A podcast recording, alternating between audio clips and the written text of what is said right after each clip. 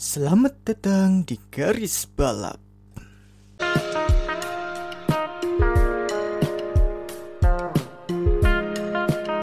dan tahun uh, uh, berapa gitu? Lupa gue ya. Dia sempet ada tawaran nih dari tim F1 dari dua tim F1 malah. Apa aja tuh?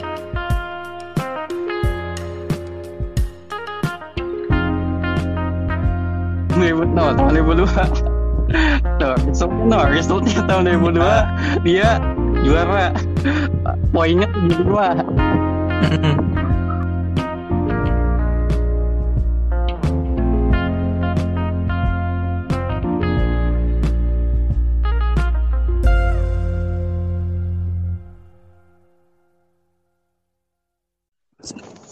Ya, kembali lagi di garis balap bersama test driver andalan Anda. Gua bagus.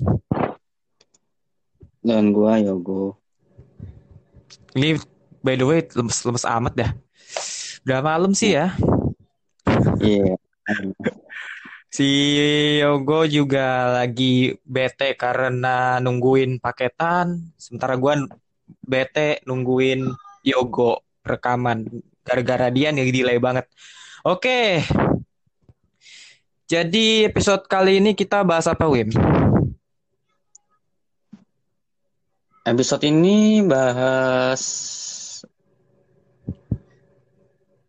apa ya oh itu itu Bahas itu. aja. bahas itu Kau buat aku bete masalahnya. Ini rekaman jadi-jadi gak dari tadi. Ah, sejam nunggu loh. bahas itu I- iya bahas itu Gua, ya udah gua aja deh. Kali ini kita berdua di garis balap akan membahas soal apa pembalap Jepang yang berbakat ya, tapi nah tuh meraih ke F1. nah tuh Nah, eh dan se- kenapa kami bahas ini? Karena em, apa ya? Ini ada sangkut pautnya dengan fenomena Yuki Tsunoda. Yuki Tsunoda ini kan ya seperti yang kita tahu pembalap yang berbakat kan. iya betul Di di hire sama Alfa Tauri sama Red Bull Junior Team membalap di eh, F1 untuk musim depan. Dan usianya juga terbilang cukup muda ya, 21 tahun. Coba deh, Wim, lu pernah gak sih mendengar pembalap Jepang debut melakukan debutnya di F1 dengan usia yang semuda itu? Satu aja deh. Ng- nggak pernah sih contoh contoh Kobayashi Kobayashi aja umur berapa debut di F1 Iya kan Iya, exactly. Takuma Sato umur 26, Kazuki Nakajima umur ya 22 lah, 22 23 tapi masih satu tahun di atasnya Tsunoda.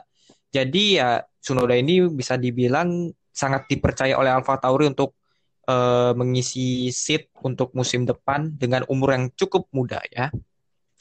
udah satu tahun ya Dan juga kami juga apa ya? Kayak istilahnya memperkenalkan kepada pendengar sebenarnya ini pembalap Jepang yang berbakat banyak, tapi em, banyak dari mereka yang nggak keeksis ataupun yang terlupakan. Nah, judul judul episode ini Samurai yang terlupakan. Kenapa samurai? Karena kami melihat pembalap Jepang ini ya sebagai pendekar gitu, pendekar Jepang, Pen- pendekar pendekar praju- prajurit Jepang kan samurai kan namanya. iya Beda ya, itu bukan senjata, Senjata. senjatanya namanya katana. Kadang suka sesat pikir nih samurai sama katana nggak tahu. Oke, jadi la- langsung aja Wim. Ada Oke, siapa aja nih kira-kira? Dan juga Ah, ini dan juga ini kita ambil ada beberapa yang kita ambil dari eh, artikelnya formulascout.com. Jadi nanti kita jelaskan aja. Oke, langsung aja. Ada ada satu pebalap yang dia yang nggak ada di artikel ya. Ini nanti kalau apa mohon maaf nih kalau misalnya kita apa nyebutinnya nggak rinci atau kurang Oh, info. Oh iya, Ya. jelas. Kita kita juga belajar kok. Ah, aja, Wim, nggak apa-apa. ya langsung aja nih. Pokoknya nih apa nih gue sebutin dulu nih ah, pebalap-pebalap siapa siapa aja. Nah nanti Hmm. mungkin beberapa penjelasannya nih. Di antaranya Iya. tuh ada Keiji Matsumoto, Tetsuya Kuzawa, Iya, Yoshi Kazato, yes. Hitoshi Ogawa, Iya. Akihiko Nakaya, Yuichi Wakisaka, Satoshi Motoyama, Hey. Sugio Matsuda, Nah, Keisuke. Nah, Keisuke Honda. Eh, salah ya. Keisuke Honda itu pe- pemain bola, Pak. Keisuke Kunimoto. Iya. Sama siapa lagi? Aduh, gua lupa nih.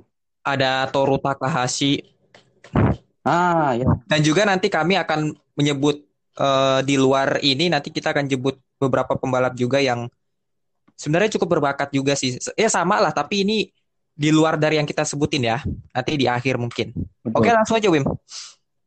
Oke, eh, kok apa? Ini kita mulai dari hmm, enaknya mulai dari yang siapa ya? Mungkin Yang- Matsumoto dulu kali ya.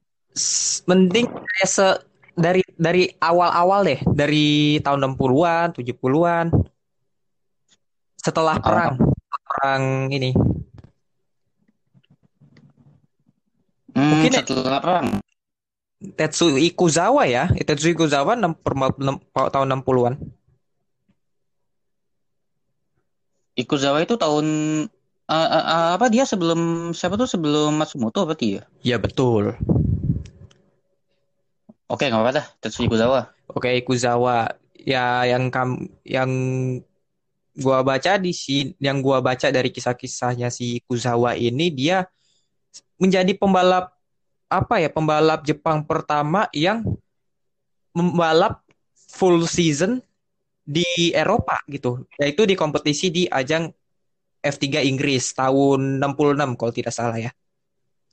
Dan bahkan dia sempat di hire sama Fr- Frank Williams. Tahu kan Frank Williams? Itu kepala, Tahu. kepala apa bukan kepala sih apa penemu timnya Will- Williams F1 team. Bahkan pernah di hire sama Frank Williams untuk ikut ajang F3 kalau nggak salah ya Betul, betul. di Inggris. Lalu di tahun 70-an ia memulai apa? Dia eh, step up naik kasta ke ajang F2, tapi dia tidak tidak dinaungi oleh sebuah tim, jadi dia kayak ngebuat tim sendiri di ajang Eropa. Di Formula 2 Eropa berarti ya? Ya betul.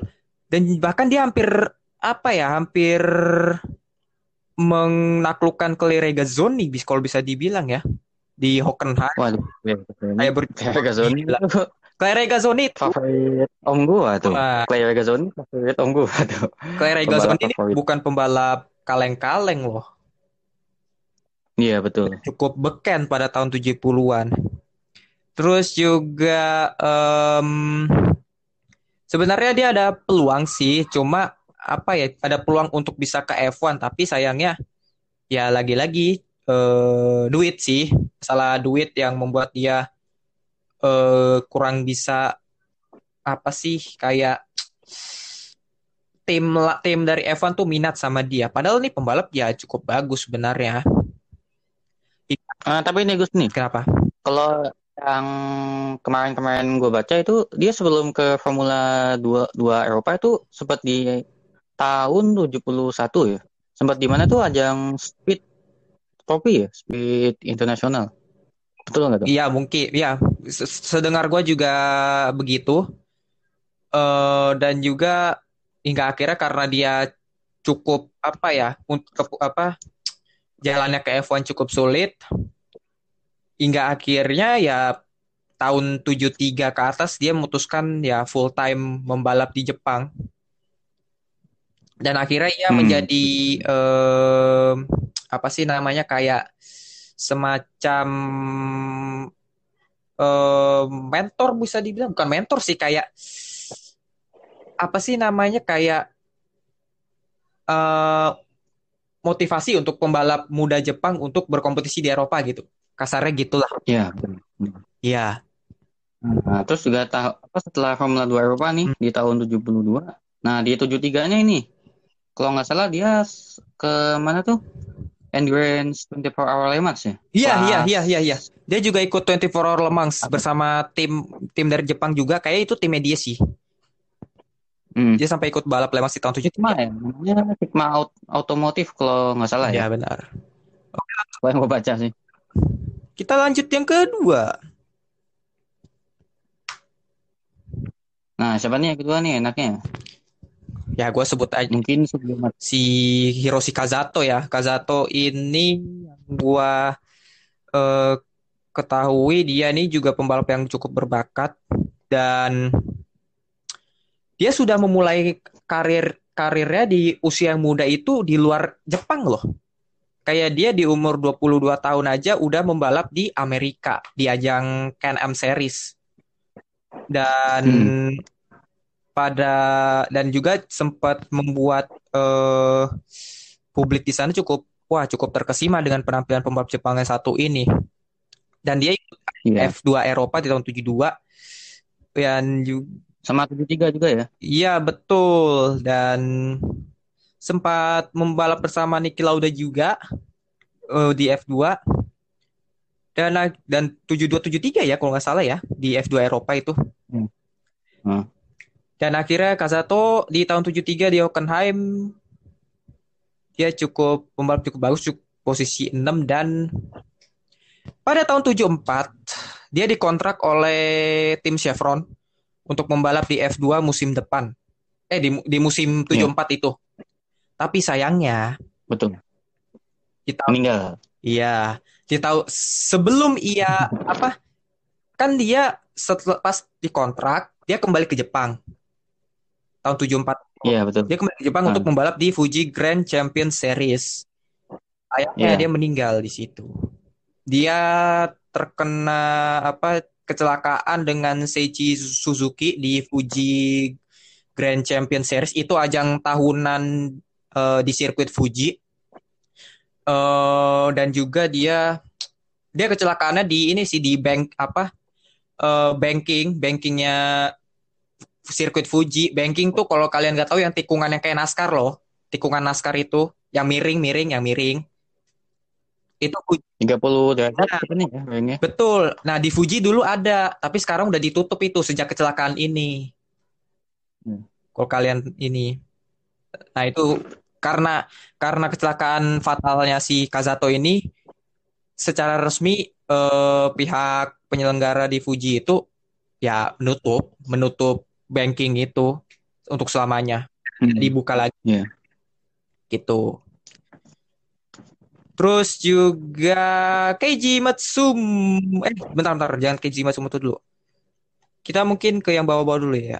Toru Takahashi. Toru Takahashi ini juga pembalap yang kisahnya sama sih, sama kayak Kazato sih. Takahashi ini pembalap bah- bahkan dia memulai balapannya di umur 18 tahun di tahun 79 dan dia mengendarai mobil F2 di Jepang dan bahkan jadi title contender loh ketika tahun 82 tuh itu 82 itu dia apa runner up ya? Formula 3 Runner Jepang. iya tapi sayangnya lagi-lagi dia eh, meninggal di tahun 83 juga di Fuji Grand Champions eh Grand Champion Series di tikungan akhir itu itu ada videonya di YouTube eh kecelakaannya Toru Takahashi di tikungan terakhirnya Fuji mobilnya melintir sempat terbang dan menabrak eh, apa tempat pen- penonton yang menewaskan penonton dan dirinya gitu. Iya. Cukup tragis sih di usia muda sih di usia 22 dia meninggal. Kita ke Mats, Matsumoto nih, Wing. Matsumoto nih, lu lihat seperti apa nih Keiji Matsumoto? Kayaknya sih dia pembalap cukup gentleman bisa gue lihat ya. Gentleman dalam arti ya apa ya gentleman tuh pembalap yang punya ya matang, pokoknya sangat sangat matang gitu. Kalau yang lihat gimana nih Matsumoto? Yang gue lihat ya. Hmm. Tapi tapi tunggu dah. Sebet apa? Dia sebenarnya ada potensi loh buat ke Evan. Soalnya di be- beberapa balapan nih yang gue lihat, bukan yang gue lihat, maksudnya yang gue pernah baca. Hmm, Jadi Diaton Racing, ya kan? iya. Itu kan dia apa? Poinnya 75 ya? Iya. 75 poin ya? Ah, maksudnya gimana? Jadi apa raih waktu yang di Diaton Racing itu kan dia juara kan tuh si Oh. Matsumoto tahun 79 2000 kok 2009 sih? 79. Oh, 79, 79, 79. Iya, iya, iya, iya.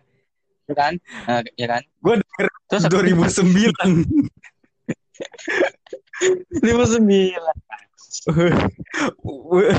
Tua amat ya membalap. Oke, terlanjut. Terus di tahun 80 juga ya mungkin unlock sih, cuman gak unlock-unlock banget lah. Turun ke peringkat Hmm. 4. Di tahun selanjutnya juga dia ajang apa?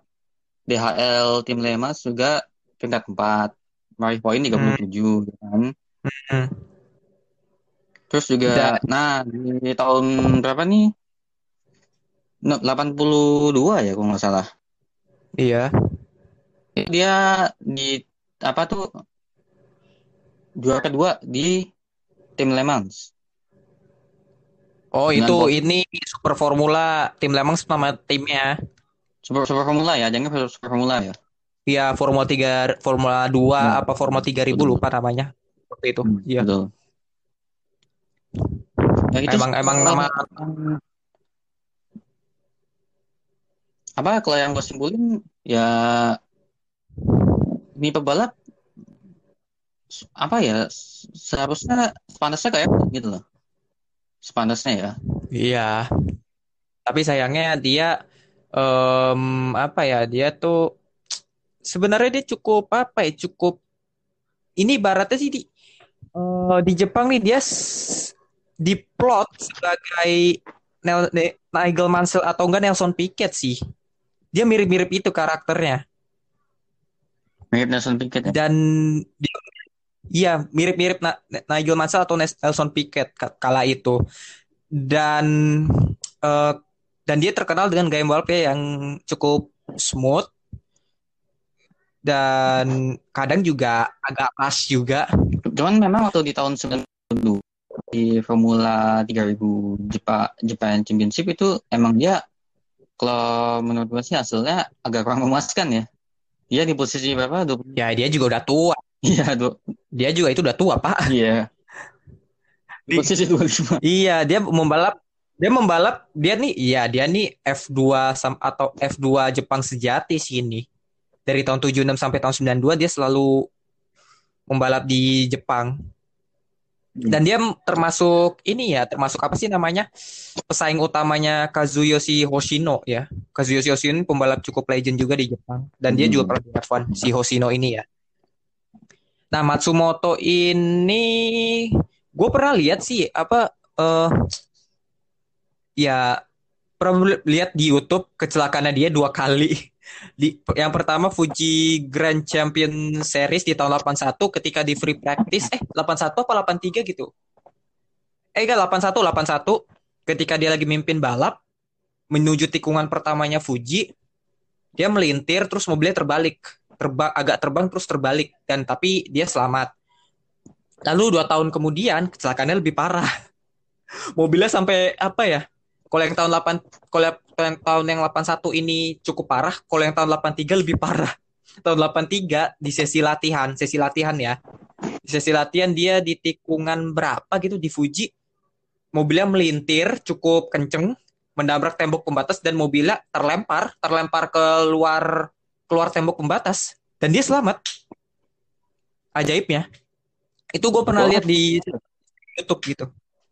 Tapi tahun 83 itu di Fuji Grand Championship itu dia berhasil memenangkan eh, eh, balapan itu.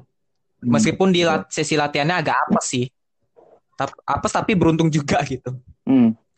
dan dia ini salah satu ini ya salah satu brand istilahnya brand ambasadornya pa- pa- apa pabrikan rokok asal Jepang Kabin namanya.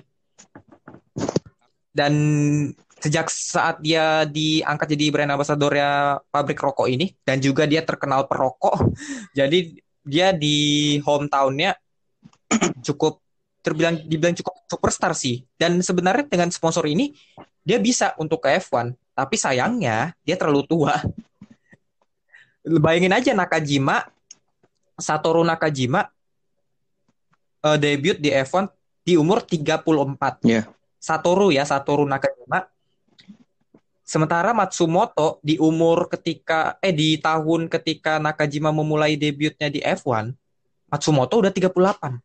38 ya. Tua Hmm. banget gitu loh. Jadi ya ini pembalap tapi bagus. Pembalap bagus. Dan dia jadi mentornya tiga pembalap Jepang ya. Siapa itu? Pertama pembalap F1 pembalap F1 Shinji Nakano, Nakano. bukan Shinya Nakano ya, Iya. Shinji Nakano. Ya, dia membalap di Ligier. Terus yang kedua ada Juichi Wakisaka. Ini legendnya Super GT juga. Yuichi Wakita. Terus yang ketiga ada Ryo Michigami. Ya. Ya Juichi Wakisaka. Kita sih nama nyebutin namanya. Tapi gue tahu pembalapnya tahu. Ryo Michi sama Ryo Michigami. Dan dia meninggal di dan Matsumoto meninggal di 2015 tahun ya? 2015 karena cancer ya. Hmm. Eh cancer apa? Eh can- karena liver ya. Penyakit liver bukan Ah, cancer, sorry. Penyakit apa? Pokoknya sakit ya terus. Iya, sakit, sakit tua lah. Hmm. Terus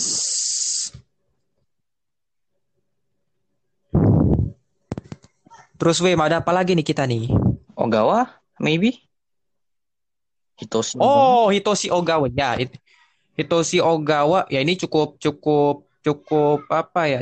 Cukup pembalap cukup bertalenta juga ya. Ogawa ini. Dia nih katanya Kenapa? kenapa? Enggak, kenapa? Lu dulu lu dulu. Oh enggak, si apa? Enggak, gue cukup Ogawa ini kan apa? Di, di tahun 89 ya, dia menang di mana? All Japan Formula 3000 Championship. Ya kan? Oh, F3, F F3000, F3000. Ya, it- F3000 Jepang ya. Iya. Dan ya dia cukup sukses sih di ajang itu dan juga di F3. Terus uh, terus uh, dia di Jepang dikenal sebagai apa ya? Di- dikenal sebagai prosnya Jepang atau enggak Thierry Boutsinnya Jepang karena dia terkenal dengan gaya balap yang apa ya? nggak reckless lah, nggak nggak nggak ceroboh, cukup tenang, nggak nggak apa asal gerasak kerusuk. Dia gaya balapnya dikenal tenang dan em, smooth. Hitoshi Ogawa ini dan dan katanya pem- dia adalah pembalap yang cukup konsisten Konsisten. kala itu. Makanya dia dijuluki Jepangnya apa Al- Alan apa Jepangnya Alan Prost lah gitu. Jepang Cross. Jadi dijuluki itu. Ya udah Iya. apa ngeraih tiga kali kemenangan ya? Selain di mana tuh? All Japan Formula 3000. Terus habis itu di Hmm. tahun 90 di itu ya, di mana Jeff Jeff Grand Prix All Japan Fuji 500 km Oh, Fuji 500 km itu ajang ketahanan. tahanan ya. Dia dia ajang ketahanan cu- cukup cukup bagus, sih dia. Bagus ya. Sama ini satu lagi tuh di aduh lupa gue namanya World Sports Car Championship yang di Monza. Nah, dia juga ikut tuh di situ. Dia juga di Le Mans juga ikut kok Oh, Lemas ikut ya? Oh, nggak tahu tuh gue tuh. sama Toyota kalau nggak Hmm. salah. Ya Toy- sama Toyota sama Toyota sama Toyota. Dia pembalap pabrikannya Toyota juga wakala itu. Dan tahun eh, eh, berapa gitu lupa gue ya. Dia sempat ada tawaran nih dari tim F1, dari dua tim F1 malah, Apa aja tuh? tim Lotus Lotus, ya. sama Minardi. Lotus sama Minardi dan dua tim ini Lotus it- yang Lotus yang gue sebutin ini bukan Lotus tahunnya Jim Clark sama Emerson Fittipaldi ya. Iya. Lotus yang ini udah udah bobrok lah istilahnya. Bobrok. Dan Minardi. Du, ini dua tim apa ya? Dua tim papan bawas kala itu. Tapi sayangnya dia nggak dapat sponsor dan akhirnya eh nggak bisa apa sih nggak dia nggak bisa mendapatkan seat eh da- tim Lotus ataupun di Minardi jadinya dia ya udah membab di Jepang. Iya. Padahal dia dapat Hmm, tawaran. betul. Tapi sayangnya di tahun 92 di ajang Formula 3000 atau sekarang Formula 3000 Jepang atau sekarang Super Formula di Suzuka dia ngalamin kecelakaan sama si siapa Andrew Gilbert Scott di tikungan pertama mobilnya si siapa namanya Ogawa terbang dan terbang karena eh, membentur bagian belakangnya Gilbert Scott di tikungan pertama Su- Suzuka. Terbang, nabrak nabrak pagar dan men- dan mengakibatkan orang petugas sekaligus fotografer kalau nggak salah cedera, tapi dirinya ya dinyatakan meninggal karena mengalami cedera yang cukup berat di kepala dan di Ya. leher. Sementara di Gilbert Scott ini cuma mengalami cedera, selamat. Mm-mm. Cuma di Ogawa enggak. Ya, rest in peace untuk Hitoshi Ogawa, Ogawa. ya. Ada apa lagi nih, Wim? Nakaya oke sih. Nakaya, nah ini Nakaya menurut lu gimana nih? Aduh. Hmm, sebenarnya nih pembalap nggak jelek, bagus. Bahkan ya meskipun di tahun 92 dia diincar oleh tim Brabham. Ingat tim Brabham ini juga bukan tim Brabham ini sama kayak tim Lotus. Di tahun 70 60 Raja di tahun 90-an jadi pengemis. Nah itu tuh. Nggak karena dan dia bahkan enggak sebenarnya ini pembalap nggak jelek, cuma emang yang minat itu butuh duitnya dari dia gitu loh, Iya. ngerti nggak? Kar- Karena kesannya dia Nakaya ini har- harusnya pay driver tapi mereka nggak ada si Nakaya ini nggak ada duit Hmm. lagi-lagi. Enggak, bukan nggak ada duit. Sorry, karena FIA nggak FIA menolak uh, super lisensinya Nakaya kalau nggak salah. Iya. Sempat terhambat Terus di di situ. tahun berapa tuh? 87 ya? Ya, ya apa ikut ajang Complete World Touring Car Championship sama timnya tahun tahun 83 eh tahun 88 dia juara F3 Jepang tahun loh. depan ya. yang nggak buruk bagus Gitu. sama bagus super di super formula balapan pertamanya di F3000 Jepang di tahun 91 di Autopolis dia langsung menang itu di balapan Iya. pertamanya dan ya dia sempat dan dia sempat dihubungkan sama Bar Brabham eh, dan berpartner dengan Eric van de Poel tapi sayangnya dia terhalang super lisensinya ditolak sama FIA yang akhirnya tim Brabham ini akhirnya memilih Giovanna Oh, Amati. Amati ya. Iya, sebenarnya ini kur yang apa? Yang amat yang Giovanna Amati ini Ya. tempatin bukan bukan kursinya Amati. Amati orang ya, bukan Amati ngamat ya. Sebenarnya ini bukan kursinya Amati, tapi kursinya si Nakaya, tapi Nakaya keganjel super lisensi situ. Hmm, Gitu. betul betul. Ya. Dan sekarang dia kerja sebagai full time otomotif jurnalis sebagai review car. Ya anggapnya ini kayak apa ya? Kalau di Indonesia tuh Fitra Eri lah. Fitra Eri dia pembalap sekaligus sekarang jurnalis. Dan selanjutnya Wakisaka. Eh enggak enggak sorry sorry bentar. Gua ada Siapa tuh? pembalap tambahan. Dan ini sesuai ini pembalap yang sempat dipotensikan sebagai pembalap yang akan sangat apa ya akan menjadi pembalap bintang tapi sayangnya meninggal cukup awal namanya Shingo Tachi boleh di search Shingo Tachi ini dia merupakan anak dari eh pemilik eh, TRD kalau nggak salah. Eh sorry pemilik dari em, tim pemilik dari Toms. Toms ini merupakan eh, divisi tunernya Toyota. Jadi bukan divisi tuner sih tapi divisi motorsportnya Toyota lah nah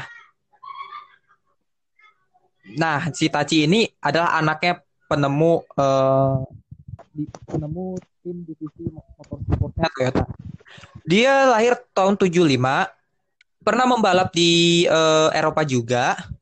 Di F3 Inggris dia juga ikut. Eh, bahkan dia finish di peringkat 2 di di kategori kelas B sih, tapi still good gitu loh. Lalu dia kembali ke Jepang di tahun 97 dan 98 tahun 98 dia finish di peringkat 3 dan di tahun 98 di ajang Jepang Grand Touring Car Championship di kelas GT 300 ya it, dia langsung juara ya di tahun 98 tapi sayangnya di tahun 99 sebelum musim Jepang Grand Touring Car Championship karena hmm. tes karena lagi, lagi tes di sirkuit Okayama dia kayaknya ngalami masalah rem sih apa menuju tikungan pertama nggak bisa berhenti nabrak tembok dan diketahui dia cedera cedera, cedera dada. Ya, dan umurnya masih muda, 24 tahun. 22 24 tahun kok nggak salah. Jadi berarti kecelakaannya itu dan tragis bisa dibilang tragis dong ya. Cukup karena nih pembalap sempat diplot sebagai pembalap hmm, superstar ya, ya. Jepang. Siapa tadi? Su udah benar-benar Shingo Shingo, Shingo Tachi. Shingo Tachi. Ta Tachinya Shingo, Shingo pakai H S H oh, T A T H I.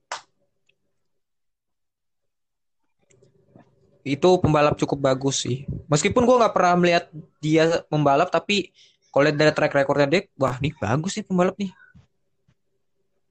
Paling enggak kalau misalnya doi masih hidup ya, untuk membalap di Toyota kan tahun 2002 Toyota ke F1 yeah. kan ya, bukan gak mungkin loh kalau misalnya dia masih hidup.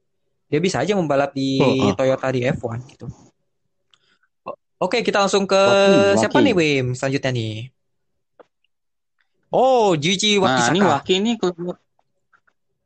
Kenapa? Waki ini lumayan oh, nih. Dia di ajang Super GT Result. Ya, di ajang Super GT Result di tahun 2002. Super GT. Super GT, bukan Super GT Result. Result tuh hasil. Super GT. Astaga, Super GT. Kelihatan ada tuh ini buka Wikipedia. Buka, Pak. Tadi saya laptop masih dicas. Ya ampun. Ya udah lagi. Kenapa Wakisaka? Ada apa dengan ya, Wakisaka? apa ini? Ajang sebuah GT iya ya. Tahun Iya. Jangan resultnya jangan dibaca. Iya ya. Tahun 2000 no, tahun 2002. Tuh, resultnya no, resultnya tahun 2002 iya. dia juara. Poinnya 75. Uh, iya. Dia membuat ini ya, di Toyota ya kala itu ya. Tim, Apa Honda? Toyota ya masih Toyota Lupa. ya. Nih Toyota di sana nih. Toyota Su mobilnya Toyota Supra. Hmm. Oke okay, Toyota. Bukan Honda eh, Supra. Honda Supra ya. Revo, Revo. kagak, kagak, Chan. Revo lagi. Honda Beat, no. ntar, ntar orang-orang ngiranya Supra tuh Honda Supra lagi. Iya, iya. Tapi nah. yang, yang tahu apa mobil Jepang tahu lah. Lanjut dia kan apa? nih apa di 2002 terus juga 2006 nih. Cuman kalau 2006 dia hmm. timnya ganti nih dari Toyota tim apa nih? Toms. Mobilnya Lexus SC430. Ya satu satu induk, induk ya? lah. Toyota sama Lexus ini satu induk, hmm. satu kepemilikan kok. Sama kayak ibarat Renault sama Nissan, itu satu kepemilikan. dia mengawali karirnya bersama tim Mugen Honda ya. Dan dia cukup sukses di ajang Super GT di kelas GT, GT 500. Dia aja Wakisaka ini uh, berhasil menjadi juara F3 Jepang tahun 96 dan di tahun 97 dia di hire oleh tim Dom Racing sebagai pembalapnya sebagai pembalap mereka di ajang Formula 3000 dan lu tahu nggak di tim Dom Racing saat itu uh, kepala Salah timnya siapa? Keiji Matsumoto. Matsumoto. Kan kita udah bilang di Keiji wow. Matsumoto. Iya, Matsumoto ini mentornya si Nyam na, eh si ya eh Shinji mentornya dari Shinji Nakano, Juji Wakisaka sama Ryo Michigami. Nah ini Matsumoto di sebagai kepala timnya Dom Racing, dia megang Wakisaka saat itu. Dan di tahun 96 tim Dom ini sempat diproyeksikan untuk masuk F1. Tapi sayangnya gagal. Tapi sayangnya Gagal. tim Dom ini gagal. Gagal gatot lah, Mhm. gatot, gagal total. Nggak bisa masuk ke dan akhirnya dan waktu ini sem- apa sempat menjadi pembalap tesnya tim Jordan loh tahun 98. Yang kala itu pembalapnya Damon Hill sama Pedro de la Rosa. Tapi sayangnya dia nggak bisa eh eh, nggak bisa masuk ke squad utama tim Jordan. Nah, kenapa dia bisa jadi test driver tim Jordan? Karena waktu itu tim Jordan masih memakai mesin Mugen Mugen, ya? Honda. Sementara ya Mugen. Sementara si Wakisaka ini pembalapnya Mugen. Cuman kalau Gitu. Dan apa nih di sini si Wakisaka ini kenapa? kayaknya dia lebih mungkin ya lebih kayak ibaratnya lebih PW pakai maksudnya dengan tim Toyota gitu ya dibanding dengan tim Mugen. Hanya di Toyota kan Iya. contohnya tadi tuh dia Dia- hasil juara tuh 2002. Hmm, Sementara di Mugen ya yang betul. bagus itu di Eh. apa nih posisi 4 tahun 99. Ya, itu waktu dia masih muda sih, masih perlu banyak belajar. Dan mungkin karena faktor pembalap setimnya, eh pembalap apa semobilnya kan Super GT ini kan mirip-mirip ajang endurance ya, harus Iya. berbagi mobil. Di tahun 2000, di tahun 2002 dia juara Super GT tiga kali ya. Dan sekarang dia menjadi kepala tim dari salah satu tim Super GT Memang. yaitu tim Le Mans. Iya. Dan dia sampai sekarang ya sebagai ada masih sangkut pautnya dengan tim Toyota lah. Oke, berikutnya ada siapa nih, Wim? Kayaknya selanjutnya ini pembalap favorit gua nih kayaknya. Siapa? Motoyama. Ah. Menurut lu gimana deh? Sebelum sebelum gua ngomong. Motoyama ya. Ini cukup legend bisa dibilang sih ini pembalap. Meskipun nggak bisa membalap di luar Jepang, tapi menurut gue dia legend sih. Kenapa? Kenapa? Gimana? Cukup gimana? bagus sih gimana? kalau menurut gue sih Motoyama Eh, dengan Hmm. ini tulisannya Super GT Result Aduh. Ya nggak gitu bacanya. Resul tuh maksudnya Super GT. Hasilnya ya hasilnya. Hasil Super GT, ajang ajangnya dia. Ah, Kok pintaran dikit lah. Ini Udah result. mahasiswa kok. Ini resultnya di tahun 96 Kelihatan kali kau kelihatan kali kau tidak bisa bahasa Inggris. Dan ini resultnya di tahun 96 dia di posisi 29 sama Iya. timnya Nika. Eh Nika. Nissan. Nissan Silvia. Hmm. Nissan. Oh, Nissan Silvia iya, itu GT 300. Dan dia nih pembalap emang pabrikan Nissan abadi sih. Itulah mengapa gue suka sama dia karena suka sama dia bukan berarti gue suka ini ya, tapi suka karena mungkin bisa dibilang karismanya. Dia punya karisma sih masalahnya. Itu yang buat gue cukup mengagumi Satoshi Motoyama. Dia juara kalau tidak salah juara Super GT itu tiga kali sama kayak Juji Wakisaka dan di Super Formula dia juara empat kali empat kali ya di tahun 98 2001 2003 sama 2005 tapi di tahun gue inget nih 2003 nih dia bagus nih dia iya di tahun 2003 tuh dia sempet ini apa sih ngetes mobil Renault 2003 Ah, mobilnya Iya. apa nih? Nissan Skyline. Tahun 2003. gitu.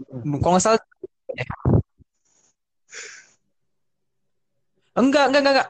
Tahun tahun 2003 dia sempat sempat ngetes ngetes mobil F1 bersama Renault.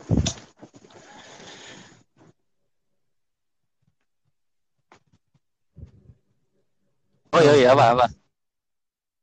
Ya ampun. Kau diam saja. Tadi terus Ya ampun. Kak lu juga putus putus.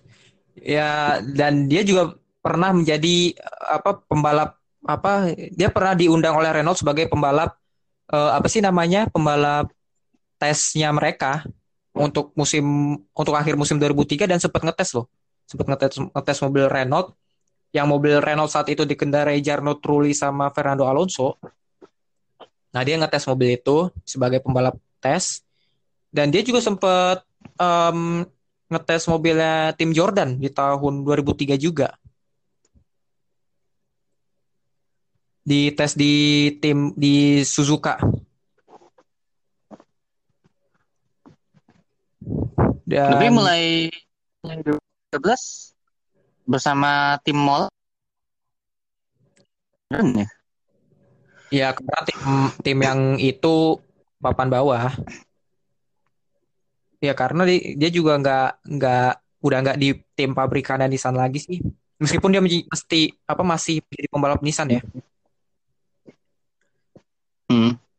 Nah, Urutan apa tuh? Asli, apa urutannya tuh di posisi 12, 11, Hmm. 12, apa nih? 10. hmm. Jadi sebenarnya tak Paling ini nih paling maksimal di urutan 6 hmm. tahun 2015. Sebenarnya nih Motoyama ada peluang untuk ke F1, tapi sayangnya umurnya udah 32 saat itu. Motoyama ini sempet dan Motoyama ini sebenarnya Wim, sebenarnya Motoyama ini kalau lu perlu tahu, dia hampir bisa eh masuk ke tim Jordan atau Minardi. Hmm. Tapi sayangnya ya dia nggak apa ya ya duitnya kurang sih bisa dibilang sebenarnya bisa Jordan sama Minardi udah tawar duitnya kurang gitu dan juga dan juga ada ini ada campur tangannya Nissan. Dia masih menjadi pembalap pabrikan Nissan saat itu.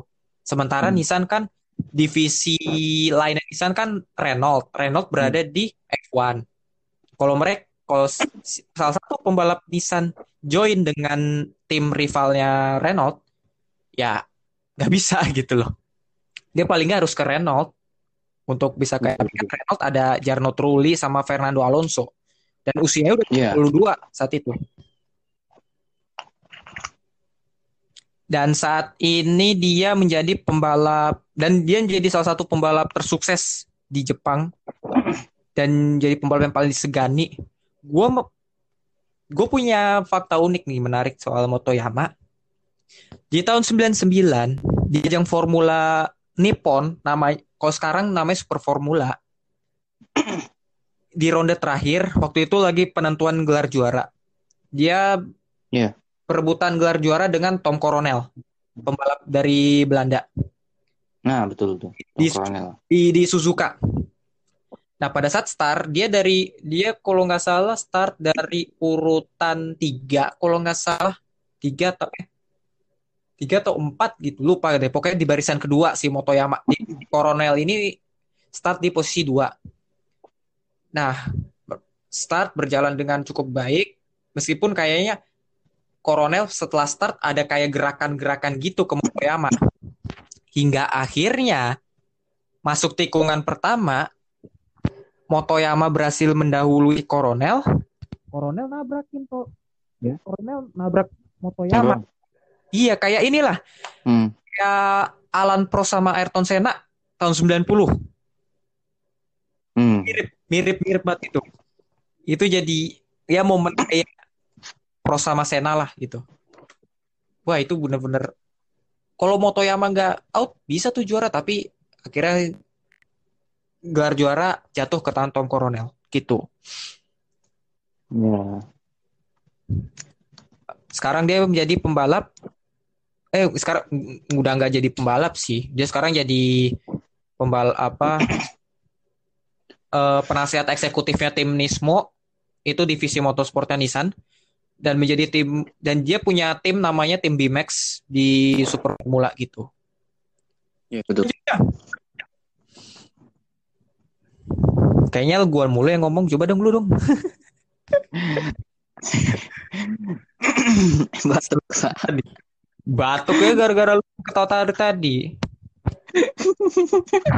Ya, gagal result ya. Iya. Selanjutnya siapa nih, Bim? Tadi yang Sugio Masuda udah ya? Belum. Oh iya, Sugio Eh, ya? Matsuda. Kita juga belum belum. Selanjutnya ada Sugio Belum. Matsuda. Menurut lu gimana nih Sugio Matsuda? Matsuda, menurut gua sih Sorry, Matsuda juga pembalap favorit gua, tapi gua minta pendapat lu apa? Nah, ini di ajang Super Formula Result. Gak usah dibacain resultnya. Maksudnya kata resultnya gak usah dibaca, super formula aja. Super Formula ya. Ini lama-lama cek juga candaan kita ini.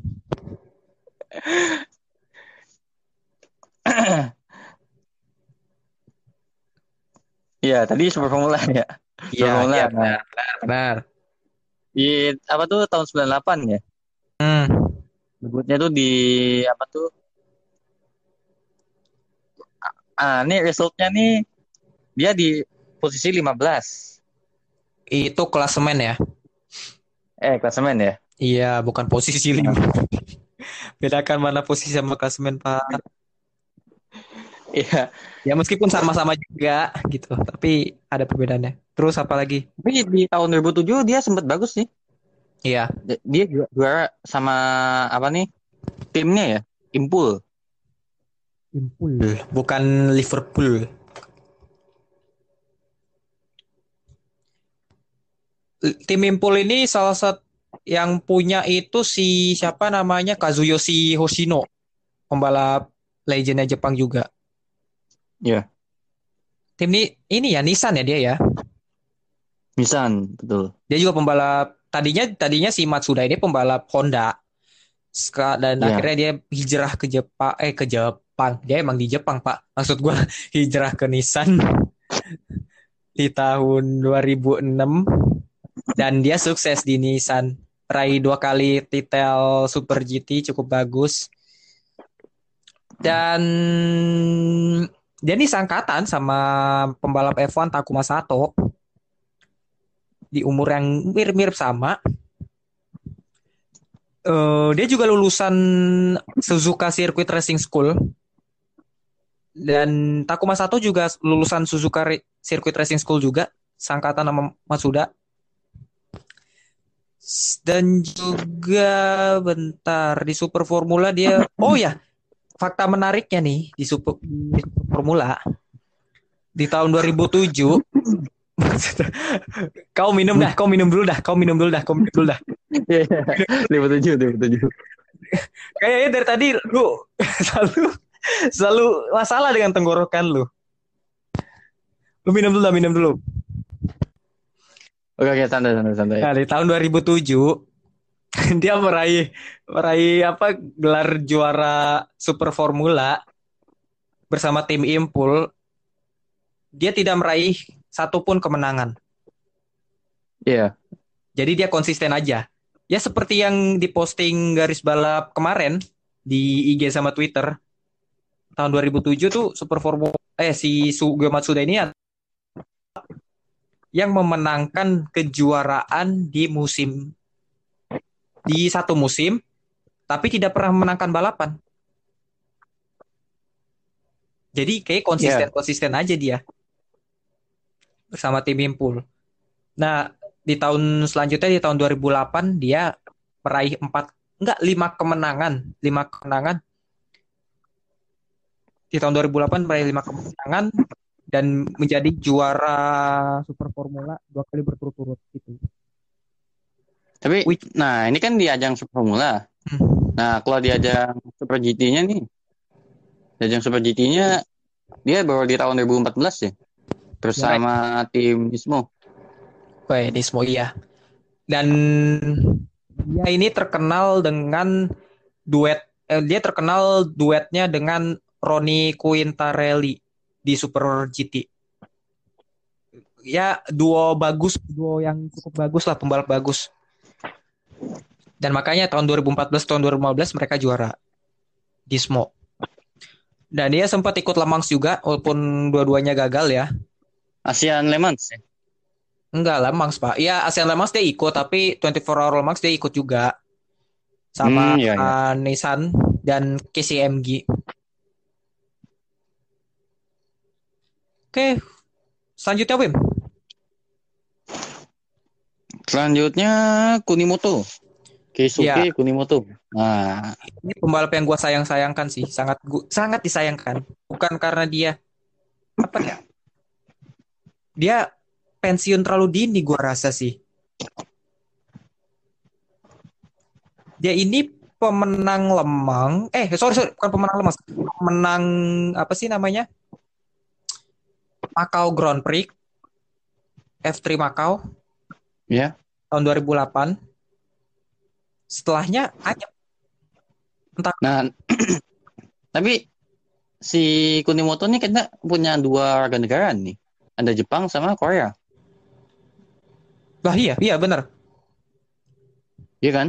Iya, dan dia merupakan uh, kakak dari pembalap Super GT dan Super Formula sekarang, Yuji Kunimoto. Hmm, ya. Jadi ada berdarah Jepang sama Koreanya. Campur-campur ya, Asia ya bisa ya, heran gua. Enggak masalah Jepang sama Korea, Pak. Itu dicampurin susah. Gimana caranya? Ah, iya, kayak apa ya? Kurang lebih tuh dua-duanya sama. Kalau apa dilihat dari ininya, keperawakannya. Ya, Iya, sama, sama. Cuman namanya yang itu. iya, nama- siapa sih nama lahirnya itu? Lee Gyung Woo. Wah iya.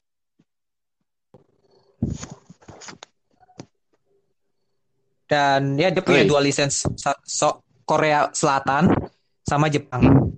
Iya. Tapi sayangnya di, setelah Macau Grand Prix udah kelar. Gak tahu ke mana tuh. Hilang udah. Pak, bener-bener pensiun. Dan usianya masih muda. masih satu ya. Masih muda ya. Sangat Tiga satu. sangat muda, sangat muda. Makanya gue ya sangat menyayangkan ini.